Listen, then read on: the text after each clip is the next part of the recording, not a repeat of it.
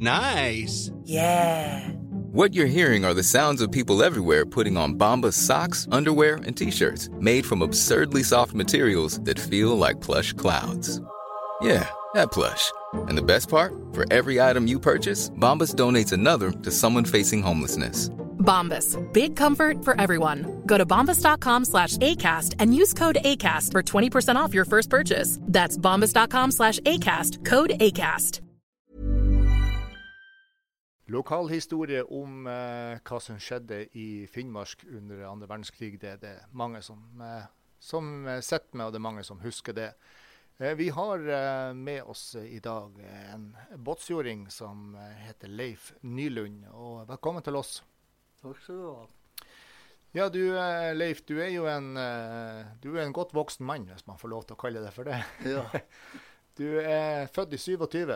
ja 1927 7. juni 1927. Om bord i hospitalskipet Viking. Det var jo ikke noen doktorer her da. Så det ble brukt som et doktorskip det der Ja, i vår ja, de, så de lå her i Ja. De lå med Bjørnenakkbruket da, eller i nærheten av Nergårdkaia, som vi sier. ja. Og eh, det var jo stor hjelp for fiskerne det, Ja. at de hadde den båten der. Den trafikkerte vel eh, Honningsvåg og Båtsfjord og Vardø i vårsesongene. Mm. Men dere bodde der hele livet. Dere flytta fort på dere. Ja, vi flytta jo til Kirkenes i eh, ja, hva slags årstall det var, men bror min han var født i Kirkenes i 1930, så vi var i den tida der. Til under krigen i nå, nå omkring 43-44 flytta vi til Båtsfjord. Oh, ja, ok. Men vi var imidlertid mange ganger i Båtsfjord som ferieturer om sommeren. Det var jo hvert år reisende hit. Men dere flytta hit uh, under krigen. Men hva, hva, hvordan utspant uh, situasjonen seg i Kirkenes på, på den tida, før Ja, dere flytta hit? Det var jo voldsomt urolig der. Det var jo transport av biler i ett kjør natt og dag opp til grensa hele tida. Oh, ja. Og deriblant var det jo den første bombinga av tyske fly før vi flytta hit til Båtsfjord. Ja. Da de bomba dampsentralen og separasjonsverket på Kirkenes. Oh, ja. Det sto jeg og så på. Det var et stort firemotorsfly som seila rundt Kirkenes. Og slapp bombe da på dampsentralen. Oh, ja. Det oppsto store branner der. Og skade for mye penger der. ja, det var mye skader i Sør-Varanger. Ja, det ble mye der. Men eh, vi bodde jo enda da der. Men under krigen da ble jeg veldig urolig, flytta vi jo til Båtsfjord. Ja. Vi hadde jo et hus her som mor mi hadde da. Hva var grunnen til at dere flytta til Kirkenes? Nei, det var jo av at det var dårlige fortjenestemuligheter i Båtsfjord. Og far min hadde jo jobb på Syd-Varanger da. Oh, ja, okay. Så han var tidligere flytta til Kirkenes. Ja. Så dere flytta etter, da? Så vi flytta etter når han fikk hus der. Hvor gammel var du da dere flytta tilbake igjen til Båtsfjord? Eh, da var jeg vel antagelig 14-15 år, noe sånt. Jeg er ikke sikker på det. Var det roligere her da, eller? Det... Ja, det var mye roligere. Det eneste som var litt urolig, det var hvis det var konvoier som lå her. Tyske konvoier. Da lå jo havna full av båter, og flyene for jo lete etter de her konvoiene. Så det ble jo sånne små bombeangrep på de der båtene der. Ah, ja.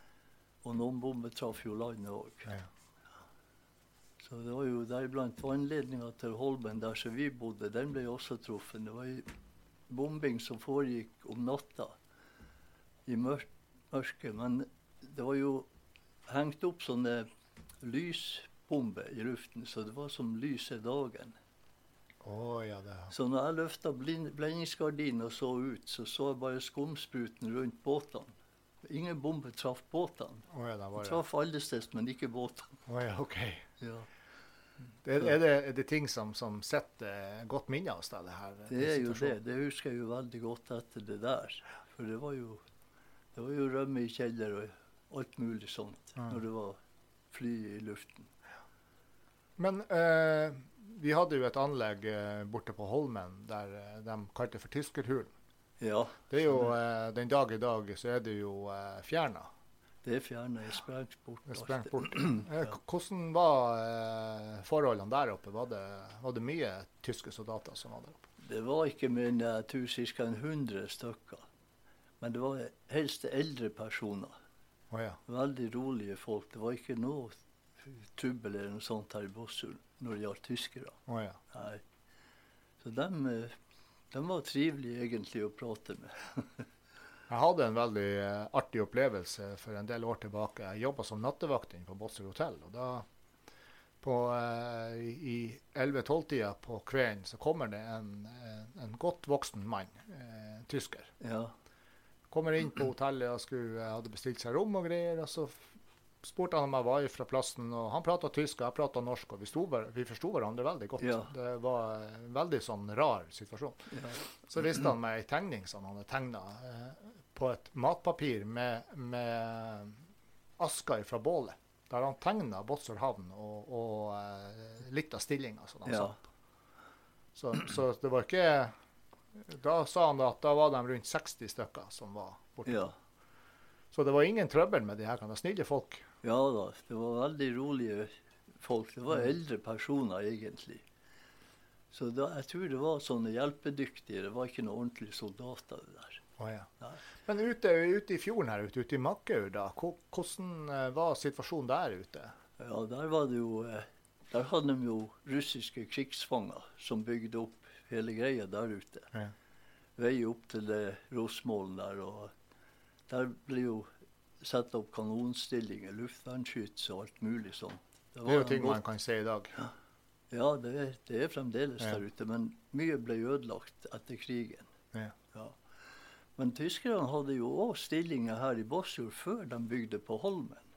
Da hadde de der oppe som det kalles for Blåbærtoppen. Der Ah, ja. hadde de kanonstillinger allerede da vi kom hit til Båtsfjord. Rett opp Idrettsson. Ja. Og uh, der står vel enda litt levninger igjen etter det. at jeg Ja. har hørt.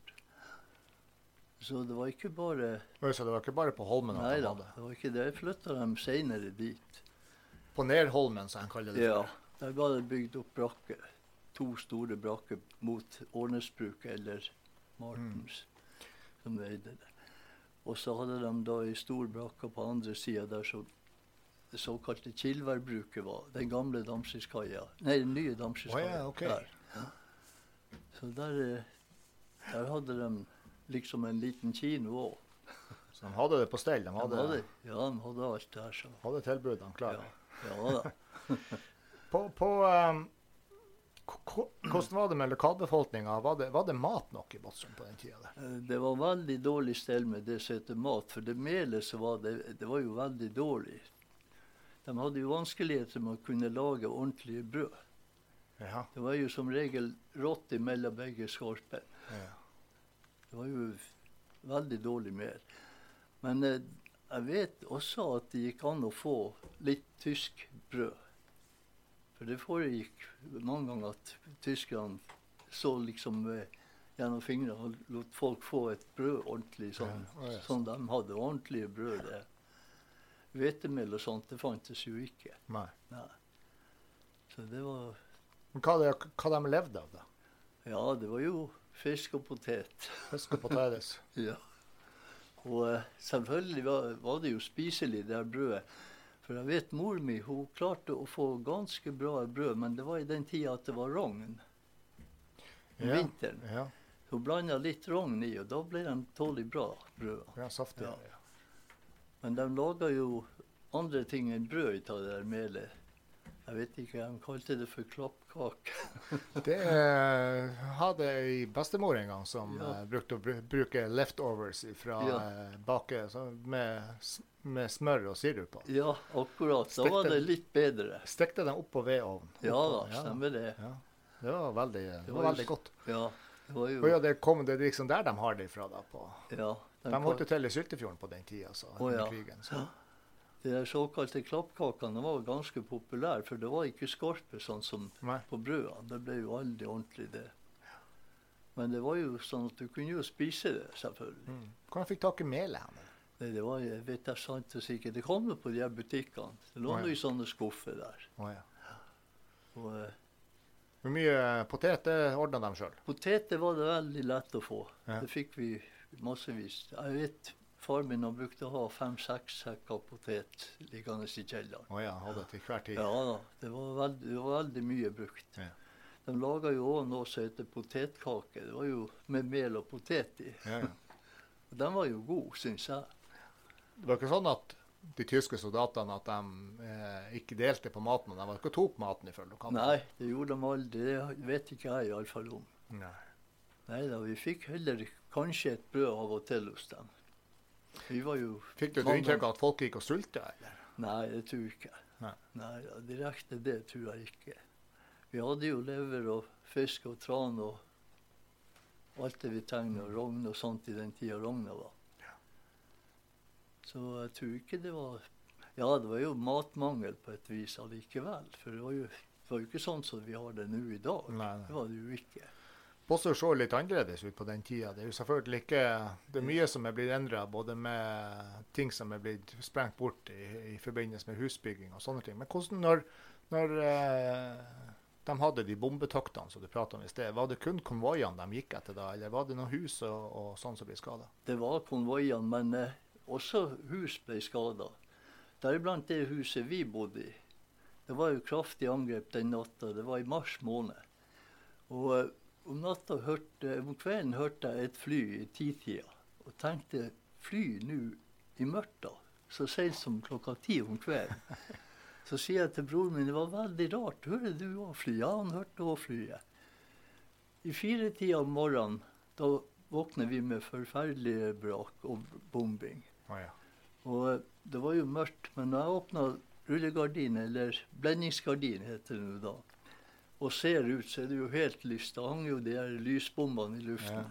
overalt. Så jo hele konvoien og alt, og spruten av bombene som datt. Og da datt ei bombe bare fire met, fem meter ifra hushjørnet vårt. I en djup Det var en svær sneskavel der. Han var to meter høy.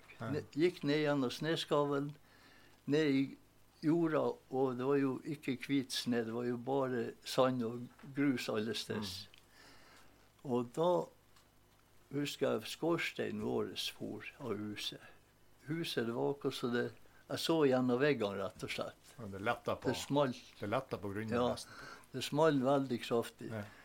Og ovnene ramla jo ned. Det var jo, det var jo surubabel alt. Ja. Så fikk vi det ordre fra tyskerne etterpå. Vi måtte flytte ut av huset, for det lå ei ueksplodert bombe på nedsida. Oh, ja, okay. Så de hadde sett. For det var jo undersøkt alle steder der. Og vann var vi fri for, så vi måtte være i 24 timer i et annet hus på andre sida av Holmen. Å ja, ok. Hvor er huset dere deres slående da, Leif? Det huset dere hadde da? Det er ikke i samme område der du bor nå? Nei da, vi har bygd annet. Det huset revet bort. Det ble ødelagt. Oh, ja, okay. Ja, det var tømmerhus, men tømmeret var løfta fra en annen. Så det var jo helt åpent. Når det blåste vind, så blåste det gjennom ja. huset. Nødt ikke å stappe evalongsen innimellom veggene da? Det var ikke noe longsen den tida, men hun hadde ulltepper som hengte på veggene. ja, hadde det. Ja. Og eh, det var jo bare kort tid vi kunne bo der. Ja. Ja. Så det var, det var ødelagt, det huset. Men det var, jeg vet ikke, det var vel ikke noe assuranse heller under sånne Nei, det var vel ikke det. det var vel, Nei. man fikk vel erstatning etterpå når ting var ferdig. Ja, jeg tror det var lite det de Ja. fikk. Ja. Men dere har jo eh, din rolle under, under det her. Du var jo veldig ung. Hadde Ja. du god kontakt med de tyske soldatene? Jo, det høvde seg sånn at det var jo de, Egentlig så var det jo et sånt tvangsarbeid du måtte i hos tyskerne. Ja. Og da var det jo Far min han var jo, han hadde jo kjørt motorer i all sin tid. Ja. Så han ble beordra å kjøre et lysverk som de hadde nede på Nerholmen, eller der som tyskerne hadde hovedkvarteret sitt. Ok, Og det var en stor, gammel Bolinder-motor. akkurat. Enkelsylinder. Og det var det kobla en dynamo til. Men den motoren der, når den kjørte den, så var det jo ikke ordentlig Det var jo ikke 50 perioder så det ble jevnt lys. Det ble det jo ikke. Det ble sånn blinkende lys. Så det så jo skummelt ut. Men tyskerne hadde, brukte den der greien der. Nå hadde de jo ikke det lyset på bestandig der. Og da var jeg mange ganger der nede og prata med tyskerne. Det var hvordan jeg kjente de der tyskerne der. Du hadde bra kontakt med dem? Ja da, så det hadde jeg. Og eh, deriblant var det jo at det hendte at jeg fikk et brød hos dem og sånt. Oh, ja, okay. Ja, hos en som heter Hilse. han var kokk, overkokk der. Å ja. Og, eh, Hvordan så den forlegninga ut? Jeg husker det var fra min ungdom. Det er jo det er jo ikke så altfor mange år siden han tok bort det hele greia. Men hvordan, så den forlegninga der nede på de tyskerhulene ut? som han det? Det var ikke så mye hule, det var jo mest bare sånne ganger Ja. som var åpne. Og så var det da uh, støpt og murt rundt kanonstillinga. Ja. De hadde vel to bra store kanoner der. Jeg vet ikke hva de kunne være i millimeter eller centimeter. Og så hadde de da to luftskyts. Oh, ja, okay. Flakk art artilleri, tror jeg. da. Og noen mitraljøser og sånt. Det var Men var det kummerlige forhold der nede? Nei, jeg tror de hadde det bra, de tyskerne iallfall. Ja. ja da, det tror jeg. De hadde jo så å si alt på stell der. Men de som bomba, var, var, det, var det engelskmenn og russere som bomba de konvoiene? Det var russere. Det var russere. Ja. Vi var jo også under et flyangrep. Vi, vi skulle med, jeg skulle jo ferd med å være sjølholder og fisker, og ikke, hadde jo ikke noe arbeid. Nå, ja, ok. Så jeg var jo en 16-17-18 år. 17 år da. Så rodde vi fiske, så var vi utenfor Berlevåg en gang. Og der ble vi angrepet av fly. Russefly. Oh, ja. Men eh, heldigvis så ble ikke vi skada. Nei, de skjøt ikke så direkte på båten. De skjøt for sånn skremmeskudd, liksom. Å ja. ok. Men vi hadde jo fått ordre om å ikke ro fiske, for det tjente jo tyskerne til gode, det. Ja. Så det skulle vi jo ikke gjøre. Men vi måtte jo gjøre noe. Vi kunne jo ikke sitte på land og ikke tjene penger. Nei, nei, nei. Så jeg var jo fisker i noen år. på et vis. Ja. Både penger og mat. Ja, det var jo det. Så uh, vi var jo også utsatt for angrep. Vi var østover mot uh, Makkersandfjorden. Der var et stort flyangrep der. Ja. Der ble drept ganske mye folk der på oh, ja. båtene. Ble det noen som ble drept utfor her da, under, hvis de ble angrepet av eh, Ikke som jeg vet akkurat her utfor, men utfor eh, Makkersandfjorden og der, der ble mange drept. Oh, ja. Det var fremmede fiskere, det var ikke båtsfjordinger. Hva var grunnen til at de angrep de lokale fiskebåtene? Jo, det var for å skremme dem på land. De skulle ikke være på havet. De skulle ikke fiske til tyskerne. Men Så folk de var klar over, de var klar over hva slags aktivitet det, var det her? Ja, det var de. Ja. De var nok godt underretta sånn, det tror jeg. Så det der, det var ikke, det var ikke bare å ro fiske heller da.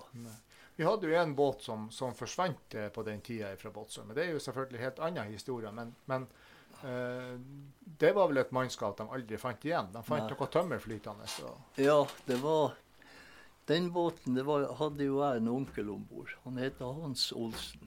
Å ja, okay. Han var om bord der, og så hadde Edvin Johansen, Amandus Larsen og eh, Skal vi se, det var flere.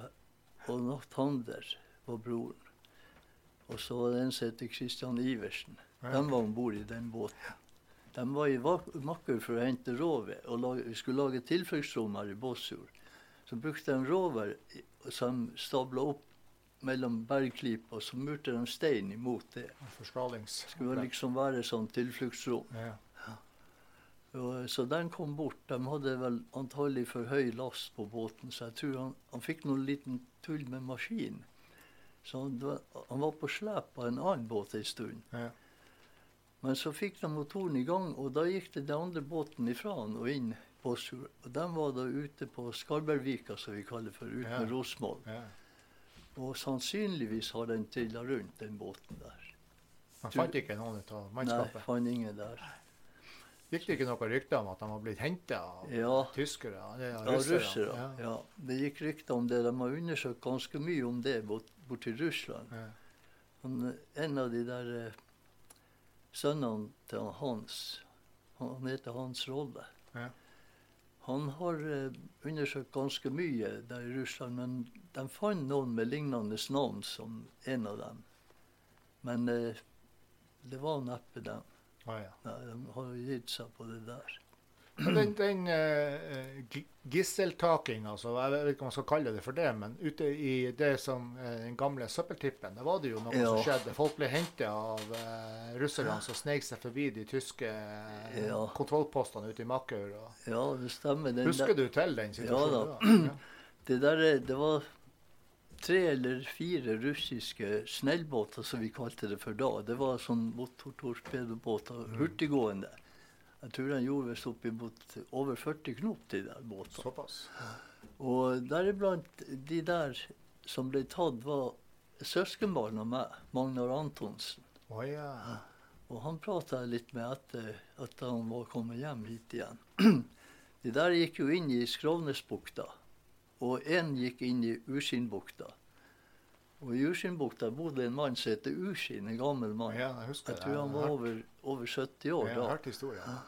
Han ble tatt til Russland.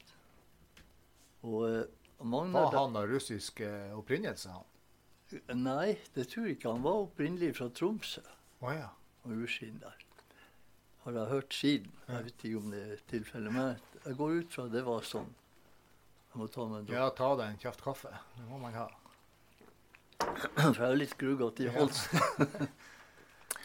Så han Magnar han fortalte akkurat hvordan han ble tatt. Han, han var akkurat kommet av en liten fest de hadde hatt. Så bodde han hos en onkel av meg ute i Verre. Han holdt akkurat på å skulle kle av seg. Da kom det en, en hvitkledd russer inn med maskinpistol. Ja. Beordra han ut, og med ut, og ut til Skrånesbukta, som vi kaller det. Det var jo litt vind og, og litt sånn jordfokk, det vet jeg, i den tida. Så det var en russer som ble igjen, som ikke hadde funnet tilbake til båten. Han ble tatt av tyskerne en god stund etterpå, inn på Håbet. Oh, ja, så de klarte ikke å samle mannskapet før Nei, de det skulle var gå en, som Han ble tatt etterpå til Kirkenes. Det var vel ganske mye som skjedde akkurat da, så det var vel kanskje litt vanskelig å orientere seg. Sikkert det, for det var, jo, det var jo mange som ble tatt der. Det var jo en som heter Rasmussen, Arnulf Rasmussen, Ja. og Egil Olsen. Egil har jeg prata med i etterkant om, Ja. om eh, den hendelsen. Ja vel. Og, eh, så de var jo flere her fra Båtsfjord. Så jeg spurte jo Magnar etterpå hva han gjorde der borte i Russland. Han ble spurt om å lage ei tegning over de tyske stillingene, sa han. Og det har han jo oh, ja. gjort. Og eh, det, det, men det visste jo sikkert russerne fra Mm. før, hvor de var. Men det var jo for å kontrollere om han ja. var på deres side eller motsatt. Ja, ja, ja. Og så ble han senere spurt om han ville være med i krigen mot tyskerne. Da han svarte han at han ville ha betenkningstid. Men han ble ikke spurt flere ganger, sa han. Så sa jeg hva du gjorde da? Nei, du, jeg hadde jo bare en fin jobb. Jeg skar torv, sa han, og høgde ved oh, ja. i leira der. Så han, han kom tilbake etter frigjøringa? Ja, de kom alle sammen tilbake, unntatt han Ursin. Han døde i Russland. Ja, han var såpass gammel at han ble, Ja. han blir sjuk, han. Han ble sjuk Ja. der. De sa han fikk lungebetennelse. Så det var sånn det gikk med det. Nei, han, eh, Egils historie var jo også alle det samme. Han sa det var ikke noe, det var ikke noe uskikk der borte. De, de ble godt tatt vare på. Ja de, de, eh, eh, det var, men han sa det var godt å komme tilbake igjen. Når, Ja, når de det er klart det. Ja. Men, men jeg tenker på der er jo, Båtsfjord er jo en lang, det er jo en lang fjord. Hvordan kunne de komme seg forbi eh, Det var jo tyske vakter overalt. Hvordan kom de seg forbi de tyske eh, observasjonspunktene? Ja, det er vanskelig å si, men jeg går ut fra at de var langs til, langt til havs og gikk bare rett inn mot Båtsfjord. Da er det ikke så godt å observere dem som makker. Men på turen tilbake, der ble de observert. For han, Magnus sa det at de, da de begynte å gå her fra Båtsfjord og utfor, antagelig utfor Makker eller Havningberg, han var så langt øst, da hørte han det small og kraftige eksplosjoner. Ble de beskutt? Ja, så sa han, eh, kom det en russer og sa han skulle ikke være redd, for ikke oss de skyter på nå. De hadde jo god fart i båtene, så de granatene smalt langt attfor dem. Oh, ja, ja. Men de hørte jo kraftige smeller. Ja. Men inn på Vrangeren, det var ganske mye vind, så der ble det, ble det farta satt ned. For det var- blir jo mye skavl og bårer. Så de skada en av de båtene. De kjørte for hardt. ja. Så der måtte de sette ned farta, sa han, så det gikk litt seinere der. Men jeg kom nå til Russland og kom nå tilbake. Det er jo litt spennende historie, det der òg. Ja, Det er jo artig når man, når man treffer dem som faktisk har vært med på det, så sitter og forteller. ja, Men nå har vi jo eh, Vi har jo et, et eh, historie i Båtsfjord der, der eh, mange, mange av dere som er igjen, det er jo mange som er dødd. Og Ja. det er jo litt vanskelig å få sette ned de her historiene. Og det er vel ikke alle sammen som syns det er like morsomt å fortelle dem. Eh, hvordan ser du tilbake på den tida, liksom? Eh, akkurat den perioden? Ja, den der Den perioden Vi hadde jo ganske bra, for så vidt. For det var jo ikke så urolig her som vi var vant til ellers. Mm. Hørte dere hvordan, hva som skjedde andre plasser? I Vardø eller i Berlevåg? Ja, eller? vi hørte jo om bombinga på Kirkenes. Og uh, jeg fikk jo brev fra en kompis av meg. Han fortalte jo det huset som vi bodde i, det var borte helt. Den kjelleren som vi brukte å være i, den var også borte. I Kirkenes. Ja, Det var fulltreffer, og noen personer ble jo drept utfor der. Ja. Og, eh, så det var, det var voldsomt mye som foregikk. Men det var ikke mye igjen av Kirkenes eh, Nei, det var jo- bombinga?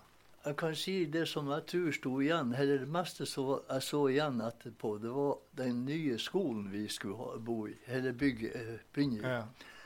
Den var jo en betongskole. Den er vel eh, Jeg vet ikke om den brukes som brannstasjon nå. Den var den eneste bygninga som Sto igjen. sto igjen. Så hele Kirkenes var, Ja, var det var borte vekk? si. Var du over og kjeik i etterkant eh, bare noen år etter, eller? Ja, vi var jo, jeg var jo en tur til Kirkenes etter da krigen var slutt. Ja. Ja. Og da var jo ikke noe å se der. Det var jo like til de store pipene så på dampsentralen, de var jo sprengt bort, dem òg. Høye skorsteiner på 70 meter, tror jeg. Men eh, selve dampsentralen, den sto jo. Det var jo bare taket var jo borte, selvfølgelig. Men dere, eh, du sa eh, innledningsvis her, eh, før vi begynte å prate, at du, dere bodde flere plasser i Kirkenes før dere flytta tilbake igjen til Båtsfjord. Vi, bodde, vi var evakuert Ja. opp til Sandnesvannet. Der bodde vi i hytte en stund. Og så var vi da flytta ned til Kirkenes når det ble litt roligere igjen. Ja. Og så opp til Bjørnelvdalen. Der var vi, vi og en annen familie i lag i et hus. Sånn geografisk sett, hvor den ligger den? Eh, Det er oppe med Bjørnevann. ja, OK. Ja, Håbet eller oppfor der. Ja, ja. Uh, og etter det så fant far min ut at vi skulle flytte derifra. Mm. For det var jo ikke værende der. Han hadde jo ikke jobb heller, det ble jo ødelagt alt det. Så, så vi gjorde jo ikke noe der da. Og eh, vi slo oss jo til ro her og ble jo værende her etter krigen òg. Ja, ja. Men så kom det inn et skip. Et forsyningsskip som heter Margareta. ja. Det er jo ei veldig eh, spesiell historie, for at den berga vel en del folk i Båtsfjorden. Vi har en propell stående eh, nede på industrikaia som vi Ja. henta opp for en del år tilbake. Og, og eh, renovert og satt opp der som et, et eh, krigsmonument. Eh, ja.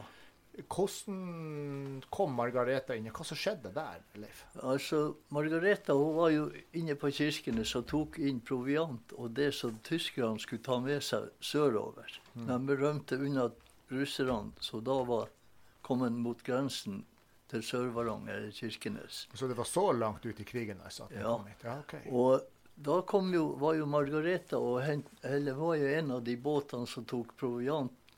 Tyskerne hadde jo store lager på Kirkenes og oppe i Sør-Varanger der. Ja. Og deriblant var det jo mye matvarer om bord i Margareta. Ja. På turen fra Kirkenes og hit så var den jo angrepen, den konvoien, av flere båter. Av flere fly. Ja. Det, det var jo flere båter der.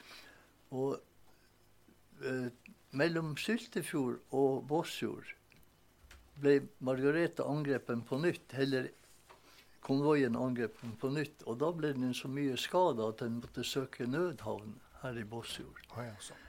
Eh, Den var vel tett utfor Makker da den ble skada mest. Så da den kom inn hit, da så jeg Det var jo mørkt om, natt, om kvelden da. Da så jeg det brant fremme i båten, inn i båten. Ah, ja. Så det var varme antageligvis til brann, og sikkert lekkasjer var det jo òg. Hvem ble beskutt, det Av fly og ah, ja, okay. kanskje òg at det var sånne russiske snellbåter, som vi kalte det. Å, ja, okay. Motortorpedobåter. Ja. Så angrep dem. Det vet jeg ikke helt sikkert, men fly vet jeg at det hadde vært angrepet. Og eh, vi fikk jo ikke komme om bord i Margareta med det samme den kom hit. Nei. Da, det gikk eh, ganske lang tid før folk fikk lov å Eller folk rodde rett og slett om bord. Da var tyskerne rømt av. Oh, ja. og begynte å hente proviant på land. For oppdaget allerede mens hun lå og fløt? Ja, hun fløt ikke, hun sto på grunn. Oh, Det var en flatbunna båt, så Ja. hun kjørte inn der som industrikaia står nå. Ja. Der omtrent var det. Uh, for vi hadde småbåter da, så vi skulle ro om bord. Men det er jo midt i sentrum av Båtsfjord. Ja, det er, det er omtrent eh, der som Bryggen nå. Ja. Kafeen Bryggen. Ja. Og eh, da, da, den, da folk begynte å ro om bord, det var jo ganske mange småbåter som rodde da att og frem Mm. og henta proviant. Deriblant var vi. Vi sto og venta på en båt vi skulle ha, og for å komme oss om bord. Vi var jo ute etter sånt som heter mel. Det var jo mel i sekker. Og så var det jo eh, dansk flesk, røyka flesk, Oi, hele sida. Snadder. Som griseflesk. Ja, ja, ja. Og der var jo hermetikk, og det var jo whisky, konjakk og klosterlikør. Og kokesjokolade. Alt mulig om bord der. Så det var jo Men ble det, ble det plyndra, eller ble det fordelt? Eh? Eh, Det ble ikke fordelt. Båtene kom jo til lands, og så eh, var det jo folk bestandig og tok fikk jo der. Det var jo mange som rodde att og frem. Det var jo ingen fare da. Det var jo lys, fin dag. Ja. Mens vi står og venter på båten og skal ro om bord der Vi hadde en småbåt som vi skulle om bord med. Så kommer det et fly i ganske stor høyde og slipper ei rød kule. Men de hadde jo selvfølgelig observert denne båten her Ja, russerne med speiderfly. Og så sier jeg til broren min og Jan vi skal ikke ro om bord nå, det til å bli et flyangrep her. Nei, bare tull, sier han. Og heldigvis så kom ikke den båten til så fort. Mens vi står og prater der, så ser jeg innover, så ser jeg seks fly som kommer inn i dalen. Så sier jeg de kommer allerede. Jeg regner med det gikk et kvarter og sånn som det brukte å gå. ja. Og det var speiderfly Du hadde først. timinga på den? Ja. ja. Eh, Så sier jeg der kommer de allerede. Og da begynte jo han å springe oppover. Det var jo tilfluktssoner opp med Tibergbruket, opp Ja. med husene der. Et sånt der av dem som bygde oppå marska. Ja, ja. Og jeg sto og tenkte jeg skal nå følge litt med det her, for det var noen store steiner der nede i fjæra. Så jeg kjekk etter. Og da ble det jo ei voldsom skyting, for det lå jo da fire tyske snellbåter ut med Isaksen-bruket. Eh, Det sa Nils Nilsen hadde etterpå. ja, ja, ja. Der lå det fire snellbåter og en forpostbåt. Og så lå det en litt større båt bort med Damskiskaia som var da, på Neset. Og det ble jo en voldsom skyting fra flyene innenfra og båtene utenfra. Så det gikk hardt for seg? Ja, så jeg lå da bak noen steiner der og kjekk, det var jo et det var jo flammehav uten like. Mm. Og smella som var voldsom. Så slapp det ene flyet, der slapp det ei bombe og gikk rett ned i rommet på Margareta, ut i sida. Det ble jo kjempestort hull i sida. Og der om bord var det jo Jeg hadde jo flere søskenbarn om bord. Så der tenkte jeg der gikk det galt med dem. Men heldigvis var, heldigvis var det nå ikke så mye skader. De fikk jo splinter i seg og sånt. Men skjønte de ikke den, den De faremomentet visste ikke før de kom gikk de. om bord? Ja, sånn. som var nede i rommet. Nei. Men de som hadde sett det oppe på dekket, de var sprunget helt frem i baugen. De var helt fremme der. Så de sto jo tålelig bra der. Ja. Og, men en som jeg kjente som var om bord, han ble drept der. Ja, var, det, var det mange liv som gikk i denne eh, Eh, bombinga? Der gikk jo flere ut på haugen som ble drept av skuddene av flyene som kom innenfra. Men det var soldater?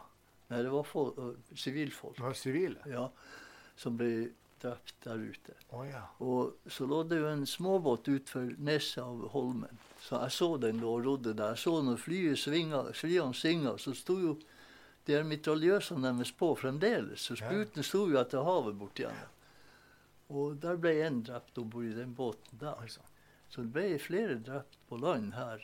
Og en om bord i Margareta, så jeg vet helt sikkert. Jeg tror han het eh, um, Ja, hva han het Wilfred?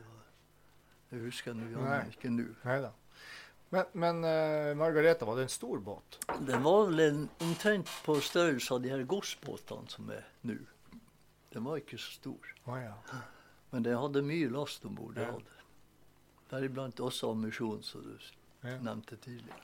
Men det, det er jo eh, Det her er jo en hendelse som berga mye av befolkninga i, i, både i Båstølen og Syltefjorden. Var, Ja. var de over fra Syltefjorden og henta? Ja, ikke bare det. Det, kom, det var jo mye folk fra Mehamn, Kjøllefjord, Laksefjord og der, altså der omkring.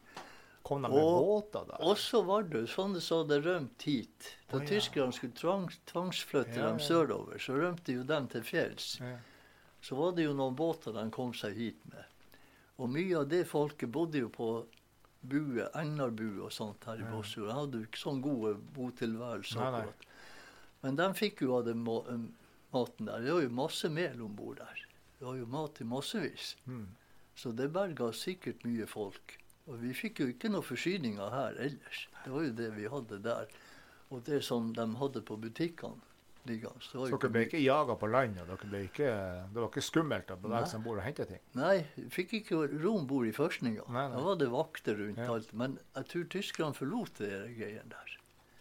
Og da drøsta jo folk seg om bord.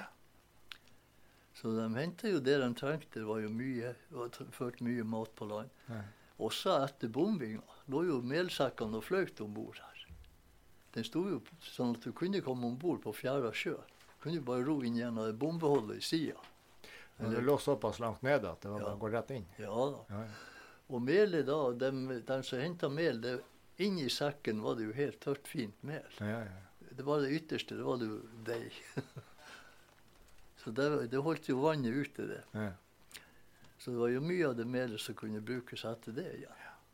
Var, var det her eh, Husker du når eh, på, på en av krigene at det her var? Ja, det var jo sist, det var jo etter at tyskerne var forlatt Båtsfjord, og også Berlevåg. Jeg hørte til og med at de skulle tilbake og prøve å brenne Båtsfjord, for de hadde ikke fått ordre om å brenne alt det her. Det het jo det at de skulle eh, brenne alt som var fiskebruk. Hvis det ikke folk reiv plank, kaiplankene bort og gjorde kaiene ubrukelige, Ja. da skulle de ikke gjøre annet enn sprenge bryggene Eller ja. husene. Ja. Og det, det gjorde de. De kjørte småbåter med dypvannsbomber under kaien og sprengte. Så veggene ble jo dratt ut av husene, fritt for vind. Altså, de ble ødelagt i bryggene. Men eh, det retta de jo opp mye godt. alle. Er det noen av de bryggene som står igjen i dag? Eh, det står vel der på Martens, der sto ei brygge. På Men kaia var sprengt sund. ja, Hvor hen sier du på? Martens, eller Årnesbruket, som vi Å ja, kaller det. Ja. Ja. ja, OK. Det var AS Johan C. Martens i Bergen som eide det. Å ja Ja. For jeg jobba der. Jeg var med på å bygge opp det der. Å ja, okay. Og, eh, for da slutta jeg som fisker. Ja, det, står et, det står et gammelt bygg igjen der borte. Ja, det er mye det. av det renovert. Og ja, det er det. Ja. At med, att med kuldeteknikken der. Eh, Ja, det, det var jo bygd noe etterpå. Det er den der såkalte fisketørska. Den står der. Oh, ja, okay. Men, eh, og den, den bua som var bygd etterpå, den står òg. Oh, ja. Men brygga det tror jeg, den er borte nå. For nå er det jo bygd et betonghus Ja, der, ja, stemmer det. som han Fiskestrand bygde. Ja. Så den det, det der gamle som var der, det er borte. Nei, det, det har jo gått Det gikk jo rykter om at postet ble brent, men det, men det ble ikke det. Nei, det ble brent noe. Oh, ja. Ja, men eh, ikke i husene. For eh, etter, som jeg hørte etterpå, så skulle han visst få dødsstraff, han der eh, som hadde fått ordre om å brenne Finnmark. Oh, ja, OK. For han hadde utelatt Båtsø og Kongsfjord. Det var ikke brent der heller. Nei. oh, ja, Kongsfjord sto òg. Ja, Oh, ja, OK. så det var ikke brent der. Men, Men var, Vardø og Vadsø det var jo bomba mye ned, der, så Mm. det var ikke så mye å brenne der. Det er jo mye hus eh, som, som står i Syltefjord, også noe her der det er gammelt tømmer fra f.eks. Ja. Ja. Berlevåg, gamle flyplassen i Ja. Berlevåg. Ja, de brukte jo det å bygge husene. Ja. Så det var jo brukt mye. der. hele rullebanen var jo tømmer der. Ja. Men hadde du kontakt med de russiske soldatene som var innom? Nei, jeg hadde ikke det. Du hadde ikke noe? Nei, vi så bare de som tok på land her med hvert. Det var noe Jeg tror ikke det var russiske, det var mongolske soldater. Å ja, okay. For det var små folk og sånn eh, ganske runde, tjukke folk. Sånn runde i ansiktet. Og. Ja. Så det var ikke direkt, eh, direkte russere det. Det var sånn som jeg skulle hatt arbeidsfolk for å jobbe for seg. Mm. Det var sånne som tilhørte makkeren, skulle dit ut, antar jeg. For når de kom på land her, det var antagelig ikke Det var ikke alle ganger du kunne komme på land i makker. Det var nordavind og nordvestkuling og sånt. Den kjela kan være ganske tung å komme inn i. Nei, det gikk jo ikke an når det var dårlig vær der. Nei. Men hvordan, eh, hva det bodde folk i, i kommunen her på den tida der? Hva de bodde i? Ja, hvor mye folk bodde det her? Nei, her i Båtsfjord, da vi kom hit, tror jeg ikke det var mer enn 140-50 mennesker Oh, ja. Det var lite folk her. Så kom, så kom tilsiget fra, fra vestsida og Mehamn og Ja, men eh, ja, det var det som var Der reiste jo tilbake når krigen Ja. var slutt, og Ja. de fikk begynne å bygge opp der. Så for han jo tilbake til de plassene sine.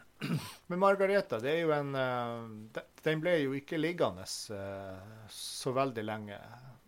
Jeg vet ikke hvor, hvor, hvor lang periode lå den nede på attmed i fjæra før den ble frakta vekk? Ja, den lå en god stund der. De begynte jo å skjære av den en god del. Så førte de den innover på et skjær i Neptunbukta. Okay. Der lå den til de hadde skåret ned det meste. Jeg tror det var et firma fra Bjørnavann som holdt på der. Når var det? Det var etter krigen, det. Nei, ok, 647? Ja, 48? ja, det var i den der Og tida. jeg. så hun lå i Ja, masse år? Altså. Ganske lenge, ja. Oh, ja. Så ble den ført derifra vet, Det var jo mye ammunisjon ennå om Ja. i bunnen der. Og så ut til eh, vi kaller for Eikebergvika. Ja. Der ute ligger den. Der ligger den på bunnen. Eller vi så litt av eh, maskineriet Ja. når det var fjæra sjø. Der ble den sprengt. Okay. Det var jo ganske mye eksplosjoner av granater da Ja. rundt omkring da de sprengte den. For vi fikk ordre om å være i tilfluktsrommet eller noe sånt Ja. På et visst klokkeslett og skulle sprenge der. Og det var ganske kraftige eksplosjoner de gjorde. Det var det. Var det noe som ble, var det noe som ble skada her inne når, når eh, Ikke da. Nei, det var ikke Nei. det. nei. Men, men eh, den maten som, som, eh, som var om bord, du sa det var både whisky og konjakk om bord. Ja. Jeg regner med det var det vel full fest i, Ja. i fjæra når de ja, det var jo sånn at når vi skulle på fest, så var det jo bare å fare ned om bord i Margareta med en håv. Du kunne jo enda få tak i flaskene i bunnen som lå nedi. Den var vanligvis i kassa. Hun lå etter at hun var søkt? Etter, hun, etter at hun lå der. Hun lå på det skjæret. Det er et lite oh, ja. skjær der. Ja, OK, så hun lå nedi i Hun vannet? sto, ja, hun sto akkurat så, akkurat så flaut. Så fra flyene så det ut som hun var flytende. Du var på med findressen og håven og gå Ja. ned og hente seg drikkevarer. Ja, det var mange som henta. Ja. Det var jo noen fra Syltefjord som dukka ned og henta brennevin. Å, ja. Ja. Men hvordan klarte de å frakte eh, over til Syltefjorden? Eh, Kom de med båt rundt, eller? De gikk over fjellet mesteparten. Det var jo noen som hadde båt òg. Ja, og de kom gående? Ja, de gikk over. Det var det ikke langt å gå. Jeg tenker på at du går tom hit, og så skal du gå Ja. fullgården tilbake igjen. Ja, det var ikke så mye de fikk med seg, tror Nei. jeg. Nei. Men det var jo sigaretter også om bord. Det var mye sigaretter om bord. Oh, ja. Men det var jo mye som var vått. Men jeg vet en kar som tørka den tobakken og, og salte tobakk. oh, ja, han- ja. Det var jo, varte jo lenge, det der. ja. Hvordan eh, Var du noen gang om bord i den båten sjøl? Ja, jeg var flere ganger om bord. Ja. Ja, For, for å hente for å hente forsyninger? ja, ja. Og ei anna flaske likør. Det var veldig god likør. Ja, Det er sånn klosterlikør heter det. Det var sånne klubber. Å, ja. En kjempegod likør. Dere var ikke redd for at det skulle eh, at det skulle være såpass urolig om bord at det kom til å sprenge når dere gikk? Nei, det var, var jo, det var jo rimelig med isolasjon, nei, vet med a- ammunisjon nedi bunnen av båten. Jeg tror i den tida var man ikke redd noe ting. Nei. Nei. Så det var vi ikke redd for. Men eh, Elva og stål. ja Det som var nifst, holdt jeg på å si mest nifst, det var når flyangrep og du var om bord i en båt Mm. ut på havet. Det var mye, for det var ingen sted som gjorde av seg. Det var jo bare nede i rommet. Men hvordan eh, var eh, lokalbefolkninga imot de her eh, tyske soldatene som var her eh, før evakuering? Jeg tror de vente seg til. Det ble akkurat som vanlige folk, alt sammen. Det var, ja, Gled litt inn i lokalsamfunnet? Omgikkes mye, Ja. tyskerne. Ja. Men jeg har forstått det sånn at det var jo en del av de her ungdommene i Boston som var liksom på tyskernes side. Ja, det var jo noen nazister, ja. Men kan man det- kalle dem for nazister? Ja, vi kalte dem for nazister. Dere gjorde det? Ja ja det var jo det var mange, det var jo to av de kompisene mine. Jeg holdt jo mye leven med dem. Gjorde jo ikke noe galt for oss. Nei. Nei, Jeg krangla jo om Hitler mye, og om Quisling og sånt der. Men jeg ble aldri anmeldt av dem. Det ja.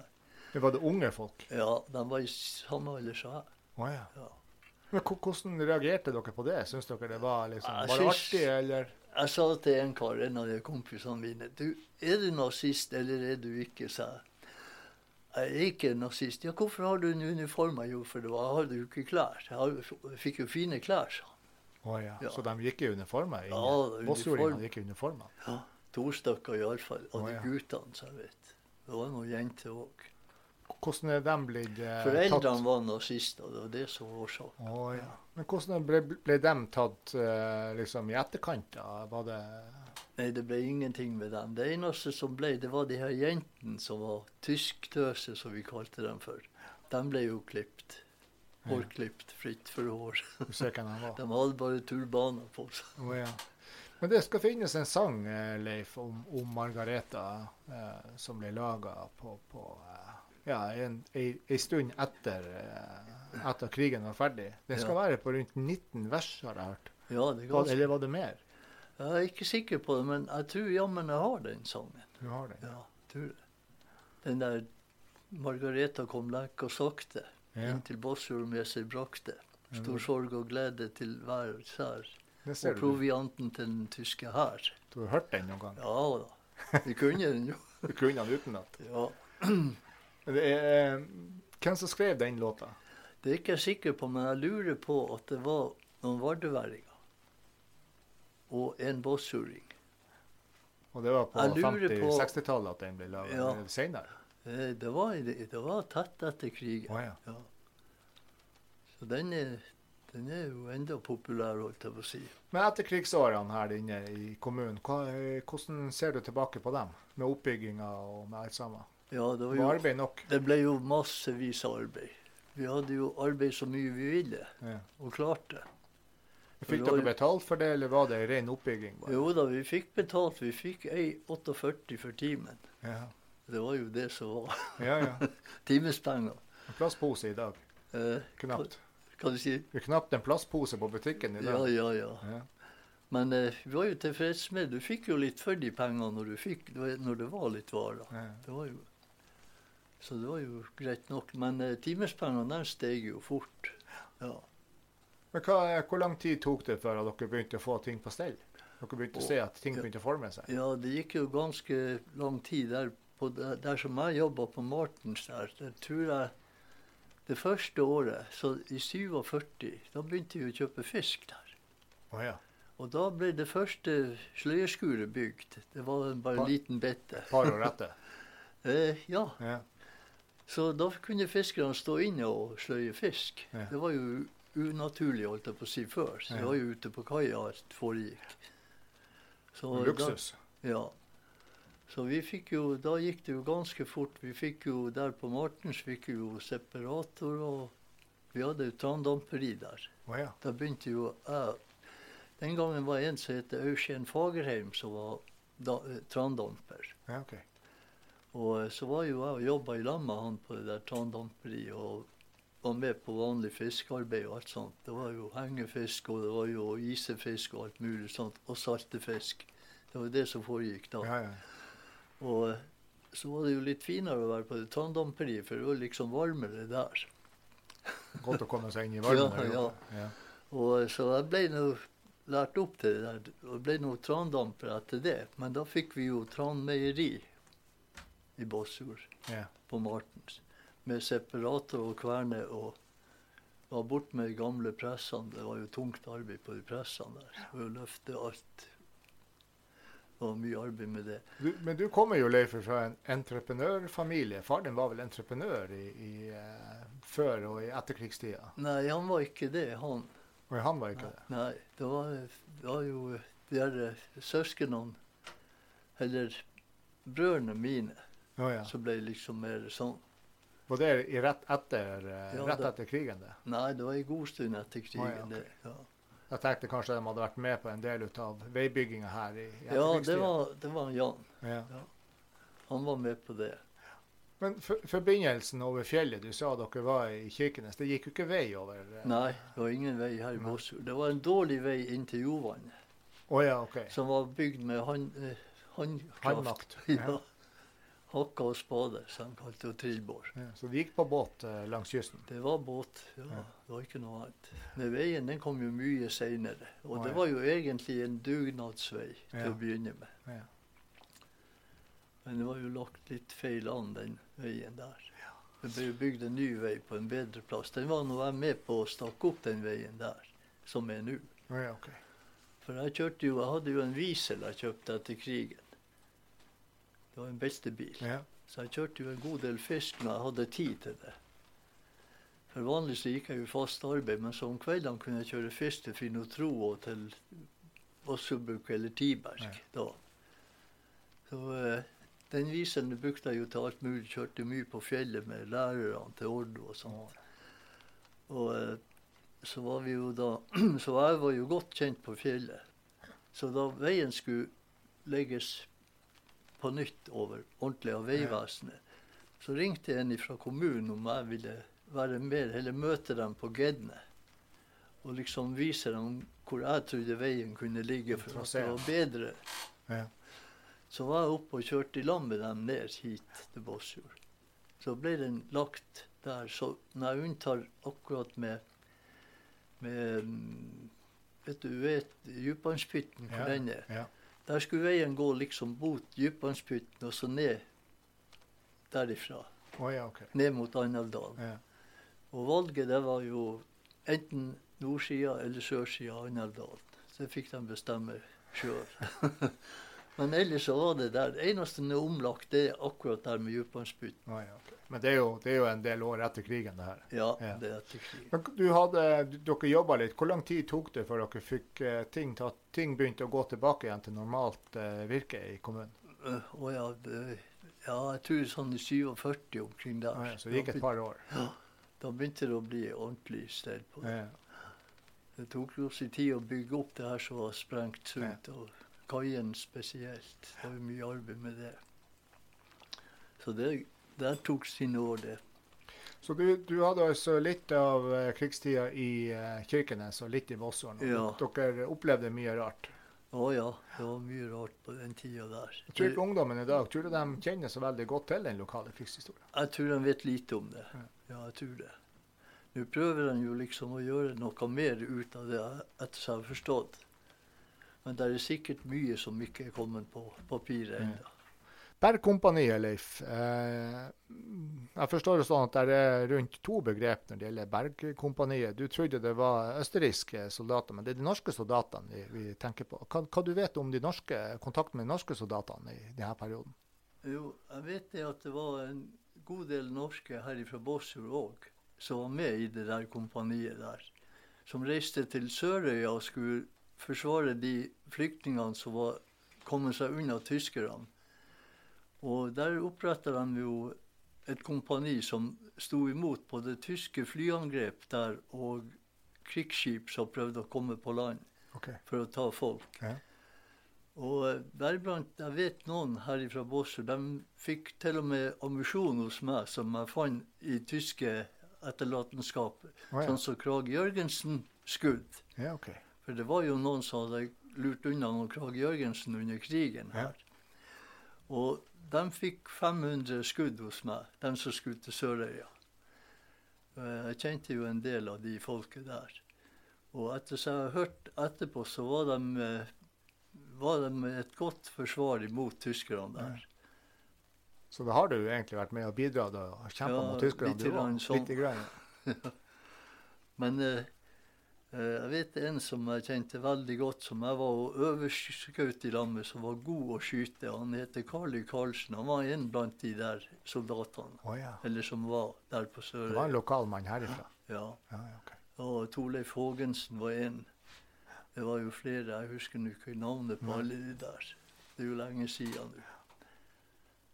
Men så kom, eh, men så kom frigjøringa, Leif. Eh, hvordan, eh, hvordan, opplevde du frigjøringa av Finnmark? Ja, det ble jo mye flagg på helstang da. Ja. Norske flagg. Her i Båtsfjord iallfall. og eh, folk var jo veldig glad for at det var frigjøring. Var ble, det ble jo opplevelse noe helt annet enn det vi var vant til. Mm. Tyskerne var jo forlatt oss her lenge før frigjøringa, egentlig. Ja. Så vi var jo jeg vet det gikk ganske sånn eh, normalt for seg alt etterpå. Vi følte oss jo mye mer fri selvfølgelig når tyskerne var borte. Det gjorde vi jo. Men noe særlig annet tror jeg ikke det var. sånn by. Men her i Båtsøren, var det, merka dere noe til det, bortsett fra at de eh, begynte å sprenge kaier, begynte å trekke seg ut da, når russerne kom? Uh, de, kom russerne inn hit og jaga dem, eller stakk de bare? Nei, russerne var ikke her. De stoppa vel med Tana bru, tror jeg. Uh, de var ikke her på kysten med, med soldater, iallfall. Båter var det jo selvfølgelig utfor og rundt omkring. Mm. Og flyene det så vi jo litt til etter det. For de var jo og rekognoserte hele tida. Ja. Speiderfly så jeg. Ja. Russiske. Eh, men noe annet kunne jeg ikke, kan ikke jeg huske fra den der tida der. Hvordan gikk det med dere eh, et halvt år etterpå? Satt, satt minnene sterkt i, i hodet? Eller prøvde dere å leve så normalt som overhodet mulig? Ja, de minnene de, de sitter jo igjen enda. Ja. Det er jo Er det noe du drømmer om, så er det jo flyangrep. Ja. Så det, de minnene, de sitter igjen. Men ellers så er det ikke så mye. Vi har mye å takke russerne for egentlig fra denne tida. Det har vi jo egentlig, ja. Den frigjøringa der den hadde mye å si for dem, iallfall dem på mm. Kirkenes, som bodde i tunnelen der oppe. og Det ville ha noe til å si der. Det var jo født unger og alt der inne i den tunnelen. Det var jo bjørnevann. Ja, ja. Og det var en tunnel der oppe? Ja, de rømte jo inn i den tunnelen. Og, eh, var det i forbindelse med gruvedrifta at de var der, Det var en tunnel som var fra gruvedrifta. Ja. Og det var jo et ble, Det ble jo innredd liksom både fødestue og alt mulig der i den tunnelen der. Oh, ja. Nå kjenner ikke jeg så mye likt til det, for jeg var jo ikke der da. Men uh, vi har jo hørt om det etterpå. Så det vet vi. Det var jo mye folk sikkert noen i Sør-Varanger som sitter med mye historie der òg. Ja. Uh, egentlig så hørte vi jo òg at tyskerne skulle sprenge den tunnelen. Ja. Men om det her er tilfellet, det vet jeg jo ikke. Men det var på tale. Ja, okay. For det var jo egentlig Det var jo folk som var imot tyskerne, som rømte inn der. Har du fortalt eh, dine barn og barnebarn om, om eh, de her hendelsene som, som, var, som kom, som var i Båtsfjord i denne tida? Ja, det har jeg gjort. Det har jeg fortalt dem mye om det. Om alt det som like til det som jeg rodde fiske i den tida og alt sånt der om det som skjedde ute på havet under krigen, og det som skjedde på land, selvfølgelig. Tror, tror du at ungdommen i eh, Båtsfjorden og i, Finnmark generelt, den ungdommen som er i dag, den her generasjonen som vokser opp nå, tror du de vet veldig mye om den lokale krigshistorien? Nei, jeg tror de vet veldig lite om det. For det er ingen som vil prate, som prater om det i det hele tatt, som jeg kan høre. Når jeg begynner å prate med dem, så begynner de å spørre og spørre. De er interessert, det er de. Men uh, jeg tror han vet veldig lite. Så det er bra at det her blir, kommer opp. Ja. Du får ha uh, tusen hjertelig takk, Leif uh, Nylund, at du stilte opp og fortalte oss dine historier. Ja, så får vi håpe at dagens ungdom sitter og lytter, at de får med seg litt av lokalhistorier ja, vi får håpe det. Ja. Imagine the softest sheets you've ever felt. Now imagine them getting even softer over time. That's what you'll feel with Bowl and Branch's organic cotton sheets. In a recent customer survey, 96% replied that Bowl and Branch sheets get softer with every wash. Start getting your best night's sleep in these sheets that get softer and softer for years to come. Try their sheets with a 30-night guarantee. Plus, get 15% off your first order at bowlandbranch.com. BUTTERY. Exclusions apply. See site for details.